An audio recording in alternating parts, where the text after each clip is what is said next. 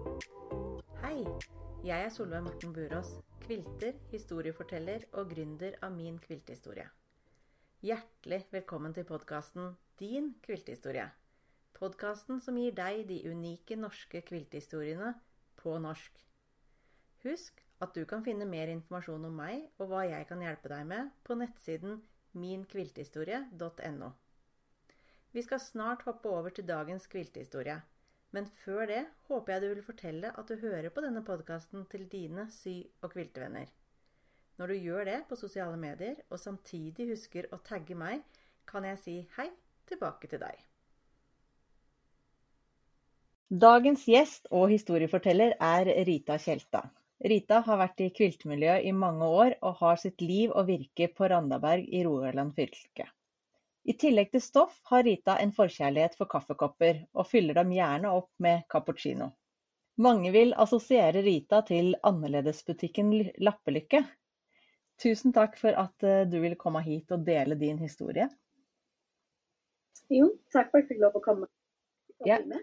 Jeg um, har lyst eh, til å starte med å spørre om du har lyst til å fortelle litt om hvem du er. Ja, hvor vil du skal begynne? Um, er som sagt min Rita Tjelta og er nå 53 år og har holdt på med søm siden jeg var 19, kan jeg tenke meg. Da begynte jeg på kjole og draktsøm på Godal i Stavanger. Og holdt mitt virke med søm og sånn. Og interessen for lappeteknikk kom med åra. Og når ungene ble født midten av 90-tallet, så begynte interessen å utarte seg litt mer. Og da begynte jeg å kjøpe bøker på interessen og leste meg opp. Og, ja. og så ble jeg ei lappedame til slutt. Ja. Tusen takk for en eh, veldig koselig og god introduksjon av deg sjøl. Vi skal komme tilbake til en del av det du nevnte nå, eh, etter hvert i samtalen. Eh, Men aller først da, så kan jeg spørre deg, hva er det du holder på med av søm nå for tida? Litt forskjellig. Jeg har en tendens til å samle på ufoer. At jeg begynner på noe, og så Ja. Så, så jeg har i grunnen litt forskjellig som jeg holder på med. Nå holder jeg på med pineapple-teppe i to farger. Jeg nettopp gjort ferdig denne her med sånn håndsøm med hva det heter, sånn City. En liten spisebrikke med, med bare sånn lappesøm og litt sånn forskjellig. Ja. Og så holder jeg på med stiftskjeri innimellom. Så nei, jeg får meg ganske mye, faktisk. Ja. Mm. Så du både, både med for hånd og på maskina? Ja. Ja. Jeg må gjøre begge deler. For abstinens da hvis det går for lang tid før jeg tar i maskinen. Ja. Så, så av og til jeg bare skyve alt til side, så setter jeg meg ned. Ja. Da kommer den indre roen tilbake. Så, så jeg må gjøre begge ja. Hva er, eh, hva er dine inspirasjonskilder eh, når du skal sy det som du har lyst til å si, da? Hva er det du Ja, blir liksom først så Tidligere så kjøpte jo blader på Narvesen før jeg kom helt i gang, og der fant jeg min inspirasjon. Eh, det som fikk meg i gang, var et blad som heter Quiltmaker. Og der syns jeg det var veldig greit å lære å sette opp ting og tang og se farger og litt sånn. Nå bruker jeg mest Facebook og Instagram. mm. Spesielt Instagram. Der er det mye. Mm. Så ja, Mm. det er jeg. Og leter. Ja, ikke sant? Det er jo en stor ressurs, disse sosiale mediene. Og... Om de er, de er helt fantastiske. Mm. Så i grunnen så tar de litt for mye tid, men det er kos det. Ja, det er jo det. Hvis vi prøver å spole litt tilbake da, eh, til den starten som du eh, introduserte litt fra i stad. Hvis jeg spør hvem var det som lærte deg å sy? Altså sånn, Du sa du gikk på kjole- og draktsøm, men var det der du lærte å sy? Uh, faktisk ei søster min far, min tante, hun drev en brukssalong her på, på ikke på Randaberg, men i Stavanger. Og holdt opp med reparasjoner og sånn. Så hun var liksom litt inspirasjon. eh, Ja. sånn. Så, men når jeg var barn og sånn, jeg syntes ikke så veldig mye. Det kom liksom senere i livet. Mm. Ja, så Så hun var min inspirasjon. Pluss jeg har ei tante til også, som gjør en god del, som har vært en god inspirasjon. De Ja. to er det jeg har sett opp til. Ja. Ja. Var dette damer som sydde klær og design, altså sånn i den Nei, bransjen? sydde ikke så mye sånn design og sånn, men jeg sydde en del klær. Og, ja. og hun ene tanten var tett bunad og sånn det gikk i, men Mm. Og det gikk jo jeg òg EPT på. Så Men jeg syns bare det er helt fantastisk. Hun, hun ene tanten min hun drev jo butikk sjøl og levde av dette her og det til å fungere. Og det Ja, det var veldig inspirerende. Ja, Mm. ikke sant. Og det var det som liksom gjorde at du valgte å ta en utdanning eh, innen søm og drakt, da? At du liksom hadde blitt inspirert av dem? Eh, Litt begge deler. Ja. Det var jo mer interessen som kom mer og mer. Og, og som sagt så kjøpte jeg jo inspirasjonsblader der òg på, på Narvesen. Det var jo eneste vi hadde i den tida. Ja. Så, nei, så det var liksom Kom inn i det miljøet, og så ble det mer og mer inspirerende. Ja. Mm. Og så sa du det at det, det var liksom bladene og det som inspirerte deg til også å tenke over i lappeteknikken eller kvilte, kvilteverdenen. Men Mm. var det liksom var det ditt, helt ditt eget uh, interesse, eller var, du på, var det andre rundt deg som også holdt på med det da? Nei. Eh, jeg hadde ingen andre som holdt på med det samme, verken å sy klær eller sy lakketeknikk. Så det er bare noe som har utvikla seg. Og så har jeg kommet inn i miljøet med andre som har holdt på og truffet og sånn. Så da ja, så har det bare utvikla seg mer og mer derifra. Ja, Mm. Ikke sant? Men um, jeg har jo sydd veldig, veldig lite klær. Eh, jeg har liksom tenkt eh, Altså, jeg får spørsmål da fra mann og barn og litt sånn til tider om jeg ikke kan være så snill å legge opp buksene deres. Og så olabuksene deres. Så sier jeg at nei, dere kan kjøpe olabukser som er pass i beina. For det går an å få kjøpt, faktisk.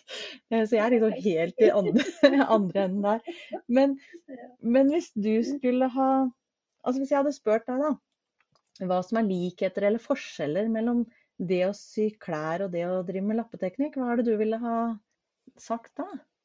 For det første så går du fra centimeter til inches. Det er Ja. òg en prosess å lære. Mm. Og når du klar, knar, klarer å knekke den koden, så, så er du kommet langt med lappeteknikken. Ja. Eh, men forskjellen er vel eh, Ja, hva er forskjellen? Du må tenke litt, faktisk. altså, du må tenke mer fasong og trådretning og sånn når det gjelder klær. Mm. Altså rette opp eh, stoffet sånn at det blir beint. For det når det henger på deg, og hvis det er skjevt, så, så siger det. Mm. Eh, når du syr lappeteknikk, da er det gjerne litt noen som vil protestere nå, men jeg mener at trådretningen ikke teller så mye. For når du har klippet ut alle bedene og satt sammen, så er trådretningen gjort for bulter. Og det har ingenting å si uansett, i det store og hele. Eh, jeg hører protestere mot men eh, det er liksom min oppfatning på forskjellen. Ja. Men ved likhetene, altså hva er det som Er det noe vi gjør i lappeverdenen som Eller noen opplevelser eller følelser eller noe som du opplever likt, uansett hvilken nisje du går velger i? sy? Um, nei, altså Når du sier lappetikk, kan du være litt mer kreativ med farger og sammensetninger og sånn. Jeg, har jo drevet på med tilpassing og sånn noe på, på klær og sånn, og da blir du litt satt med hva kunden vil ha. og, og sånn noe om å rette deg etter det, men jeg føler med lappeverden kan jeg være litt mer kreativ sjøl. Ja. Jeg ser ikke så mye til meg sjøl, Nei. eller noe, men det har et stort kundesøm, og da har du blitt mer satt Ja. til å sy den spesifiserte tingen. Ja. Så, men det å løse problemer og sånn, det er mye likt. ja, ikke sant. Eh, Du må tenke litt. Det er, det er noen som kaller det for eh, kviltematematikken. Eller altså symatematikken, når vi skal på en måte beregne mål og mønster og sånn på Mm. lappverden. Men det må du jo ha også, altså mønster eller Tenk- Ja, uh, men der tenker jeg på tenk- Er det sånn hvor mye meter du trenger for Ja, å sy noe? ja. Tenker, ja. da tenker jeg eh, da går det mer sånn i høyde. Jeg måler hvor lang ryggen er, og så hvor stor uh, kjolen skal være. noe sånt. Så trenger du med én eller to høyder til, så må du legge til armen. Så har det en viss mengde. Mens i lappeverden der trenger du mer masse biter. så så store for å få til, Ja. få til et teppe. Ja, Så ja. Det er litt forskjellig. Mm. Mm. Husker du den første kvilten du lagde, eller første lappe... Ja. eh, jeg er jo litt sånn at det skal være perfekt når det kommer fram. Og så hadde jeg jo hørt om kvilte kviltepult i liksom, eh, ja, den liksom veldig tidlig sånn ting skulle være sånn og sånn og sånn. Så jeg følte meg i begynnelsen som en skapkvilte. så jeg satt hjemme og sydde på et teppe og prøvde å lære for meg sjøl og sånn jeg før jeg turte å vise det jeg hadde lagd. Så da, det første jeg lagde, var solsikke, faktisk. Med sånn stjerner og blå og knallblå bakgrunn. Jeg tror de som hadde sett det i dag, og så det jeg lager nå, de hadde ikke kjent igjen ifølge fargene. Nei.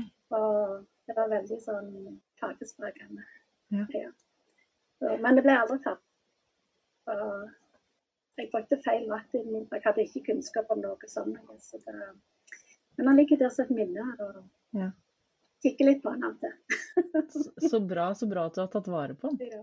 Ja. ja da, men jeg ble ikke helt men jeg tror ikke han ble ferdig heller. Nei, nei, nei. Men så hadde du kommet litt i gang, da. Og så um, har jeg, jeg har jo sett litt på de sosiale mediekanalene dine, og da, eh, da ser jeg at det er noe som heter Hus i hagen. Kan ikke du fortelle oss Ja. om Huset i hagen? Ja. Altså, for å ta utgangspunkt i hva jeg ville starte med, det er jeg har hatt hele veien. Og så jobbet jeg to år i en kvittebutikk på Tananger. Og så måtte jeg slutte der. Og så begynte denne Jeg savna det å ha propp. selge, selge og ha det rundt meg. Men det er jo en tøff avgjørelse å starte rett ut i det, hive seg rett ut i det. Så det, jeg og mannen ble enige om å bygge et hus i hagen. Og så skulle jeg sitte der og puple litt og ha litt stoff. og ja. Så utgangspunktet var jeg på en nettbutikk. Ja. Men så begynte folk å spørre om de kunne komme. og sånn. Så da åpnet jeg opp for kunder i selve butikken. Ja. Så, så syntes jeg det hørtes koselig ut med hus i hagen. Ja. og folk begynte å kalle det for hus i hagen eller stoffbutikken bak garasjen eller et eller annet sånt. Så, da ble det det. ja. Mm. Så der var jeg i fem, Hvor, hvor mange år sa du? fem og et halvt år. Fem og et halvt år, ja. Mm. Ja. Da, da var det på tide å utvide. ja. Mm. Og, for der, da, da flytta du over til eh, de lokalene som du er i, i nå? Mm. Og da utvider jeg litt med, med symaskiner og sånn, så da trengte jeg flere plass. Ja, det var det symaskinen. Men jeg har kunder ennå som kommer innom, og det var så koselig bak i hagen. Og, og vi lagde ei sittegruppe ute òg, som kunne sitte om kvelden og sånn. Så det var fint vær, så satt vi der ute og hadde kviltekafé og, og koste oss. Og det var stor stas. Ja. Apropos det med kviltekaffe. eh, Det har jeg sett at du har delt en del bilder ifra. Og jeg tror, altså for meg så ser det fryktelig koselig ut. Du, du, du får det fram i, fram i bildene dine. Og så tenker jeg åh, det hadde vært en koselig kafé å besøke en gang, liksom. Ja. Men velkommen. jo takk. Men hvordan, hvordan kom den tradisjonen egentlig i gang? Eller hvordan starta det? Eh, det begynte vel med at den andre plassen jeg jobbet på, Tamanger, der hadde vi kviltekafé. Ja. Og så tenkte jeg det at eh, det hadde vært en kjekk tradisjon å fortsette med, for det er noen av de kundene kom over til meg. Ja. Og så er det jo det at det òg ligger ikke akkurat i ei storgate, og folk bare stikker innom. Så jeg måtte jo få en idé liksom, til hvor folk kan komme og samles og litt sånn. Så da begynte jeg med det hver tirsdag. Ja. At jeg hadde sånn formiddags viktig kafé. Og da samlet vi Det var jo trangt, men det var koselig. Ja. Men, men det er også noe som du har tatt med deg videre og, og fortsatt holder på med? Ja. Men jeg ser jeg har det travlere, så nå er det bare annenhver tirsdag. Men da hadde jeg det hver. Ja. Mm. Mm. Er, det, er det ofte de samme kundene eller samme gjestene som kommer tilbake? Eller Det er de samme som kommer, som har gått opp med nå i snart ni år. ikke sant? Mm. Men er Det det kommer litt nye, og noen faller fra. også, Men Ja, jevnt over så er det de samme. men så bra at det kan komme nye inn. Ja, Ja. det er det. Har du noen morsomme episoder eller historier å dele fra Kviltekafeen, eller som det er lov å, å dele med det store publikummet?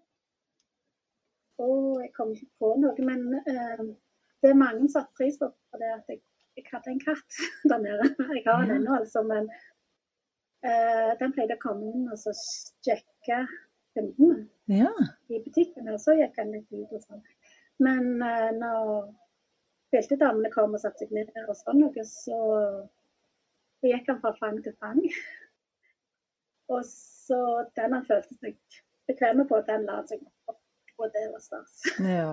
Og, og være den utvalgte. Ja, det er se, han la seg hos meg. Ja. Være den utvalgte den kvelden. Det var den utvalgte. Mm. Det var så koselig. Ja. Mm. Men ja, nei, noe spesielt, det, det kan ikke. I um, introduksjonen så refererte jeg til um, en um, referanse som er eh, Annerledesbutikken. Kan du Det er jo et begrep som jeg har hørt du har sagt, men, eller bruke om butikken din. Men kan du fortelle oss litt hva folk legger i det begrepet?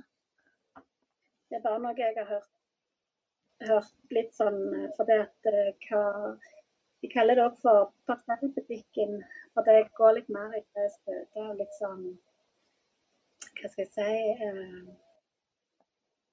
Ja, jeg liker roser og blomster. Ja. Men på samme tid så, så har jeg ikke lyst til å sette i en bås heller. Nei. Jeg feiler, føler at jeg tar, tar inn litt for alle. Mm. Så det er derfor jeg ble kalt for litt annerledes butikken òg, fordi at jeg Det er mange som kommer inn og så sier at det minner om en østlandsbutikk eller et eller annet sånt, at de tar mer inn sånn som de gjør, men jevnt over så tar vi vel inn forskjellige. Ja. Ikke sant? Ja, for det der med at um, Altså, jeg syns det er veldig spennende at uh, de kviltbutikkene vi har i Norge, kan ha litt sin egen stil, eller litt sin egen, uh, egen vri. fordi det gjør det jo litt mer spennende å enten besøke dere på nett eller besøke dere fysisk, da, og se, Mm. få litt ulik inspirasjon. Og jeg tror kundene begynner igjen, for det. Jeg, har, jeg er jo kjent for stitcheri og brodering og Mm. fargelegging av stitcheri og sånn. Jeg vurderer ikke så mange butikker som gjør i grunnen. Men så har jeg òg min favorittbeiner som liker å sånn stoffer og sånn så da blir jeg kontakta på grunn av det. Pluss jeg er veldig glad i japanske stoffer. Ja. Ja. Så det òg er jo litt jeg Mm. blir gjenkjent. Mm. Mm. Mm. Jeg har også sett at eh, du har vært em, ute på en eh, spennende reise langs eh, kysten av Norge for noen år siden. Kan ikke du fortelle litt eh, hva det er jeg tenker på da? Ja, da var det norgesreisen norgesreise jeg hadde langs hele norskekysten. Mm. Um, jeg ble invitert av eh, ei- en Hva er det de driver i? Verktøy AS Stavanger. De har sånn og sånn. Og det er et cruise som de har hatt i 20 år. Og de reiser med land. Det er jo tidligere hurtigrute. Ja, båt. Så, så i grunnen er et skoleskip, men om sommeren så blir det brukt til forskjellige ting. Og han leier det, så bruker de hele dekket til tredreiing og sånn noe, men så er det en del som eh, når de reiser mann og kone, så tar de med seg kona. Mm. Så vi skulle liksom være den delen da, at de litt noe å gjøre på disse damene. Ja, så jeg ble invitert sammen med meg som holder på med ullfilting. Mm. Og så skulle vi reise opp igjen. Og det var utrolig kjekt. Det kom jo folk fra New Zealand, Australia, Canada, Frankrike, USA og jeg skulle ha kurs òg om bord, Ja, og alt gikk på engelsk. ja. ja. Så nei, det var veldig spennende, og jeg fikk sett mye av Norge. Og hver gang vi la inn til han, så var det åpent for publikum å komme om bord. ja. Og det hadde jeg reklamert om i forkant. Så, og jeg har en del kunder også oppe til nordover, så det, mange av de kom, pluss mange flere. Ja. Så Nei, det var en opplevelse. Helt utrolig. Det skulle jeg gjerne gjort igjen. ja. Også en så spennende måte Det var mye for å reklamere at vi Ja. kommer til den og den havna. Ja. Og da vi var på vei og sånn, og da, og det står ikke det. Ja, ikke sant? Men, men en veldig fin måte å på en måte vise fram det vi driver med på, da. Altså Ja, å reise, Mm. reise mm. til der folk Ja. bor oppover. Ja, ikke sant? Så, så var det morsomt. Man var jo helt oppe på um, Honningsvåg. Ja. Det var liksom Og der lå vi vel i fire timer, og der hadde jeg to kunder som hadde kjørt tre og en halv time én vei kun for å komme på båten. Mm. Men eh, det mest morsomme var jo at eh, det kom ei om bord. Ei eldre dame som hadde besøkt uh, datteres barnebarnet. De jobber der oppe. Og hun bor fem minutter fra meg. Ned, her nede. Ja. Og hun kjøpte en med stoff og tok tilbake oss til, til Randaberg. ja, ja. Men det var jo fint. Ja. Så det er jo jeg kjenner da. Ja, ja, ja. Altså, bra. Mm. Ja, det, tror, du, tror du at du fikk inspirert noen, eller traff du noen som på en måte i etterkant tenk, kanskje begynte å sy litt, eller? Det vet jeg ikke, men jeg håper det. Ja. Ja, jeg håper virkelig at noen fikk inspirasjon til å Mm. fortsette, om de hadde sytørke, eller om de kom i gang med noe. Og, sånn. Mm. og vi hadde jo en del fra, fra, fra utlandet som var på kurs og sånn, og der hadde jeg ene kurset var med Twisterlinjalen. Ja. Og hun ene som holdt på med litt lappeteknikk, hun, de drev også med sånn kiting, altså med, med hva det heter sånn takeflyvning. Ja. Ja. Hun hadde tenkt å bruke den teknikken for å lage disse takene. Å ja. Og fly med ja, Ja. på New Zealand. Så, så jeg skulle virkelig ønske at jeg kunne sett i ja. Sett åssen det ble, ja. hvordan det ble. Og, Mm. ja. Mm. mm. Så det, det skulle hun bruke. Ikke sant. Mm. Men ja, for du sier det at du, du holder jo litt kurs. Du holder sikkert litt kurs i butikken og Men hva er det du nå har det vært veldig åpent, men jeg håper å ta det opp igjen. ja. Mm. Men hva er det du liker best å lære bort, da? Linjaler. Ja. Ulike typer Ja. linjaler? Ulike typer linjaler, syteknikker og, og brodering. Ja. Mm. Hva er det Hva sa du? Jeg håper jeg kommer komme i gang med det? Mm. Men, men det med linjaler og syteknikker, er det fordi at det er nye ting, eller er det fordi du ser at eh, de som lærer seg det, lærer seg noe nytt og kan utvikle seg, eller Vet du det? Eh, Jeg syns linjaler i seg sjøl er spennende. Altså, du kan gjøre ganske mye med dem. Og nå var jeg hos uh, Kviltelaget i går, og der skulle vi bl.a. snakke om din favorittlinjal. Ja. Så alle viste sine sånn, og så, så jeg med alle mine og sa vet du hva, jeg har ingen favoritter, bare kom med en ny. Så det er ikke den gamle, og hopper jeg over på den. Ja. For, for jeg må liksom lære det. Ja. Så, så det, det gjør meg inspirasjon. Ikke sant? Nei, akkurat nå holder jeg på med den pineapple-linjalen. Ja, det er ikke en ny linjal, litt eldre, men jeg har liksom ikke vært borti den, og da må den testes ut. Ikke sant? Mm. Men det, var det på Når de skulle ha med seg favorittlinjalen sin, var det en, en gjenganger der, eller? Var det stor variasjon? Uh, det var ikke akkurat gjenganger, men de kom liksom eh, veldig enkle enten firkanter eller den vanlige lange som du bruker. Den er, eller det var en trekant eller noe sånt. Så, det var ikke akkurat noen som var sånn type teknikk. Nei. Men, eh, men det er den de tar til hele veien. Ja. Vi skal treffe opp noe og litt sånn. Ja. Så Og det, det jeg skal gå med favoritter. Ja, ikke sant. Men så, og så blir jo det på en måte som et favorittverktøy litt. Altså, det er noen sånne basisting som vi, Mm. vi liksom har rundt oss når vi syr, og som på en måte vi er, eh, setter pris på. Da. Hele veien. Mm. Så Men har du et favorittverktøy, da? Hvis du skulle gå Er det linjal, eller finnes, har du et annet favorittverktøy i din verden? mm, ikke spesielt. Nei? Jeg, jeg ser mange bruker videre med klemmene. De har jeg aldri klart å venne meg til. Min favoritt er å stadig gå tilbake til nåler hvis det er noe Ja. Ja. Hvis jeg skal si at de er glidelåser med det samme, så jeg klarer ikke helt å vende meg til. Så det er vel gjerne mitt favoritt at jeg hele veien bruker nåler. Ja. Når jeg setter eller knapper nåler. Knappnåler, ja. Ja. Så ellers så har jeg ikke noe spesielle favoritt. Nei.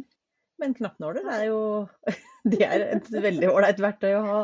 Det er litt mer nøyaktig. Jeg har aldri klart å venne meg til disse klypene. Nei. Så, så det, det, men det er en av det videre med inne. Jeg har vant med, nåler. Mm. Um, Du har jo mye stoff rundt deg uh, i butikken mm. uh, og hele tida, men, men er du en som samler på stoff uh, ellers også, altså privat? Jeg kanskje jeg skulle vist lagerrommet mitt. Du har et lager? Ja, jeg har et lager med masse, masse stoffer. Ja. Ja, da,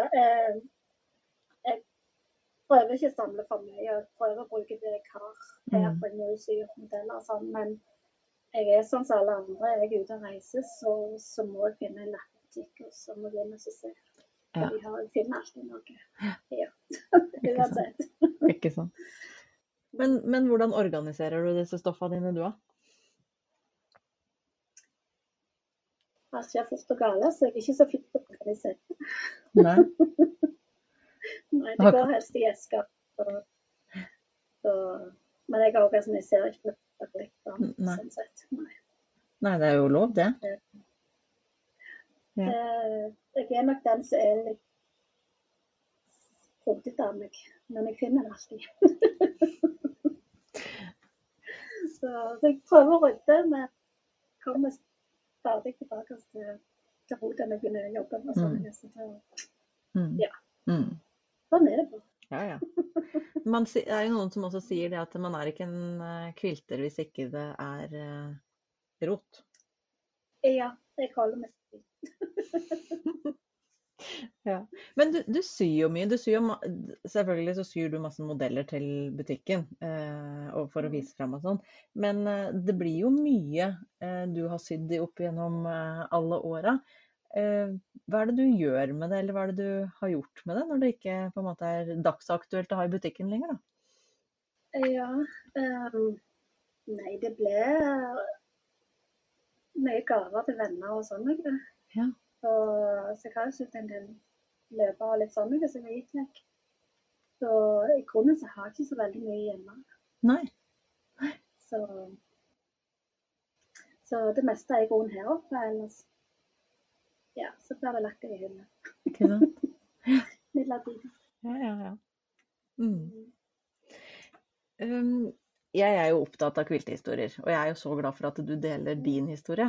Uh, og så er jeg litt opptatt av om vi klarer å ta vare på disse historiene våre. Så jeg må spørre om uh, Skriver du ned uh, noe? Dokumenterer du, eller skriver du en kviltehistorie? Tidligere så en blogg. Ja. Og begynte tidlig med blogging allerede i 2007. Ja. Så, og der kan jeg gå tilbake og se hva Ja. jeg hadde og sånn. Men etter jeg begynte med butikk, så har jeg ikke notert noen ting annet enn det jeg har på nett, Det du har på nettet. Uh, nettbutikken og noe sånt. Mm. Ja. Mm. Nå blir det helst Instagram det butikken noe sånt. Mm. Mm. Men eh, kanskje jeg skal finne de gamle bloggene og kikke litt. Ja, ikke sant. Men du sier at du gir bort i gave mye av det du lager. Har du, merker du det med navnet ditt eller noe annet før du gir det fra deg? Nei, det er jeg vært litt flink til. Mm. Ja. Mm. Jeg kjenner litt på det nå, at jeg skulle vært litt mer obs på det. Ja, Mm. ikke sant. Og jeg tenker jo det at eh, hvis man uh, syns at det å merke, merke ting er det er liksom en ekstrajobb etter at man jo er ferdig eller kommer langt, så tenker vi at det, men, min, men det går an å gjøre minimum òg. At man bruker en, en penn, altså en stoffpenn eller eh, som Mm. hold, holder på det, og rett og slett skriver navnet og årstallet. da. At det, det vil være en stor verdi, bare det. Mm. Kanskje jeg skal ta runden rundt og så Ja. Og, og, og jeg tenker, men jeg tenker jo sånn at eh, ok, hvis jeg ikke husker akkurat årstallet, kanskje husker jeg tiåret, da. Og så får det være godt nok. For det, Mhm. men det at det står navnet og, e- og en periode, da. Så i det lange løp så vil jo det være, være noe og for de som kommer etter oss å, å kunne se på eller Mhm. hente fram igjen for å se historien. Så ja. Men her, her eh, Jeg tenker at eh, jeg er ikke perfeksjonist på det her, men jeg tenker at hvis vi i hvert fall prater om det og oppfordrer folk til å merke det de syr, så tror jeg at eh, Eller har jeg veldig trua på det, da. Mm. Ja, jeg er enig med deg. Så jeg kjenner jo også litt på det nå sjøl, at jeg må- begynne med det. Mm. Så, så hvis jeg blir mindre på det hele veien, så, så vil det Ja, bli lagt inn med de neste tappene. Ja. så, så jeg skal absolutt tenke på det. ja. Prøve å få det til. Um, nå veit ikke jeg om du opplever å treffe mye nybegynnere eller um, um, i butikken, Eh, men noen er vel sikkert innom og lurer litt på og snuser litt på eh, hva det er du holder på med også. Men hvis du treffer en nybegynner, da, hvilke tips eller råd ville du ha gitt til med på veien til dem? Eh, Første tipset er i grunnen å gå, i gang og prøve. Ja. Ikke heng deg opp i altfor mye detaljer. Om det blir perfekt eller, eller at det blir skjevt eller et eller annet sånt. noe. Første omgang er i grunnen bare å komme i gang. Ja. Ja, har du interessen, så, så får du det til.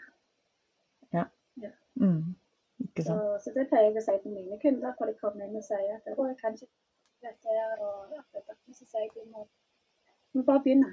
Mm. Og ja, Mm. bruk internett for det det er, og finn inspirasjon. Mm. Kom innom meg og så snakk med meg, så skal vi få deg i gang. Ja, ikke sant. Og, og det du sier med internett, er, det er jo en, det er jo en stor verden der ute. Og YouTube eh, er jo eh, Vi må liksom løfte det fram som et eh, en, Det er jo en læringsplattform eh, som er helt enorm. Man Altså, de som, de som starter i dag, er jo mye heldigere enn oss. mm, Jeg hadde nærmest så jeg kunne gå på inspirasjon og så treffe folk etterpå og finne ut hvor de var. og litt sånn. Nå kan du sitte hjemme i egen stue og bare lete opp mm, Akkurat når det passer for seg. Ja, ikke sant? Mm. Ungene har lagt seg og litt sånn. Mm. Hvilke tips eller råd vil du gi til en erfaren quilter da, som kan trenge litt påfyll? Som er, Kan ikke få nok. det Kom litt bardunstøt der. Hvis, hvis jeg hadde kommet inn i butikken og sagt at å, jeg har sydd så mye av det eller det, har du noe nytt du har lyst til å vise meg, eller noe nytt jeg kan prøve, utfordre meg på? Da hadde jeg jo gått til linjalene. da. Ja, du hadde, ja selvfølgelig hadde du gått til linja da. Ja, jeg hadde gått til linjalene og så Ja. hadde jeg vist deg den siste nye. og litt sånn Ja. Mm, Så ja, nettopp. Men det er eh, nye mønstre jeg har fått. Ja, mm, mm, mm. Mm. Ja, men det, det tror jeg ja, Og det tror jeg absolutt at kan gi påfyll. Eh, Det å. Det å prøve seg på en ny linjal, rett og slett. Og, mm. Og bare vise de flotte fargene i stoffene og sånn. Ja, Så nyheter som ja. Mm. får det i gang. Ja, ikke sant. Mm. Har Jeg har kunder som kommer inn og sier å, her var det vår, her var det sommer, Ja. her var det flott over. ja. Så, så pøsregner Jeg bor jo på Vestlandet, så pøsregner jo mye. Mm. Da syns jeg det er kjekt å komme inn. Mm. Mm. Men det, det kan jeg også kjenne meg igjen i, det der å kunne få lov til å komme inn i en uh, stoffbutikk og bare få lov å være. Rett og slett bare ta inn eh, atmosfæren og være. være. Ja. Ja. Det er uh... Har du behov for å snakke med noen sånn historier, liksom, så bare kom innom. mm. Ja, det, det er helt sikkert noen som vil ta imot den invitasjonen. Eh, Ja, det må de ta. Ja. Et sånn siste spørsmål før vi går nærm nærmer oss avslutningen, er i din kvilteverden, eh, hva er det som gir deg mest glede?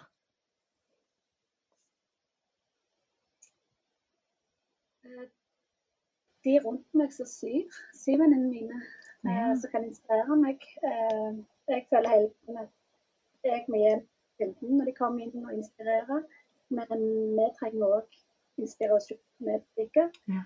Så har venninner rundt deg som syr og, og kan hjelpe deg. Og av og til så står det litt fast sjøl. Så, så vi trenger inspirasjon med òg, og da er det kjekt å ha venninner rundt deg. Ja. Mm. Ikke sant? Mm. Mm. Og så bruker jeg selvfølgelig Instagram. Ja. Ja, for, For ja. For, for nettopp det der. For hvis noen har lyst til å eh, se mer av det du holder på med eh, og deler, hvilke kanaler er det man kan eh, oppsøke, hvor man finner deg hen da? Du finner meg på Facebook og Instagram. Og det er bare å søke opp på Lappelykke. Så. Og jeg har jo egen nettbutikk òg, og der kan du òg sant? få opplysninger. Litt. Ja. Mm. Og da finner man inne på Facebook-sida, så finner man i hvert fall eh, lenke over til nettbutikken, tenker jeg. Ja da, det gjør du. Og Ja. så prøver jeg òg å legge litt inspirasjon der. Litt sånn, dele litt YouTube og video og litt sånn. Så, Mm. Ja. Mm. Dele det litt at jeg legger ut. Og, Ja. ja. Mm. Så, ja. Mm. Eh, og, og altså, å lenke til de nettsidene dine, det eh, både om, til deg og til Lappelykke, den, eh, det kan dere som hører på finne inne på nettsida som jeg mm, har som heter minkviltehistorie.no i forbindelse med, med denne episoden. Dersom du vil følge podkasten, så eh, kan du trykke på følg, og så vil du få beskjed når det kommer en ny episode. Men eh, før vi, eller da har jeg lyst til å si tusen hjertelig takk for at eh, du ville dele din kviltehistorie med oss, eh, Rita. Ja, tusen takk for at jeg fikk være med. Dette var jo kjempespennende. Mm. Og jeg kommer garantert til å følge deg videre. Så hyggelig. Nå har du hørt dagens episode. Jeg håper du likte den, og at du lot deg inspirere. Send meg gjerne en melding dersom du har en drømmegjest jeg bør ha med i podkasten. Om du likte denne episoden og vil høre flere kviltehistorier, er det lurt å følge meg der du hører på podkaster. Da vil du få beskjed når det kommer en ny episode.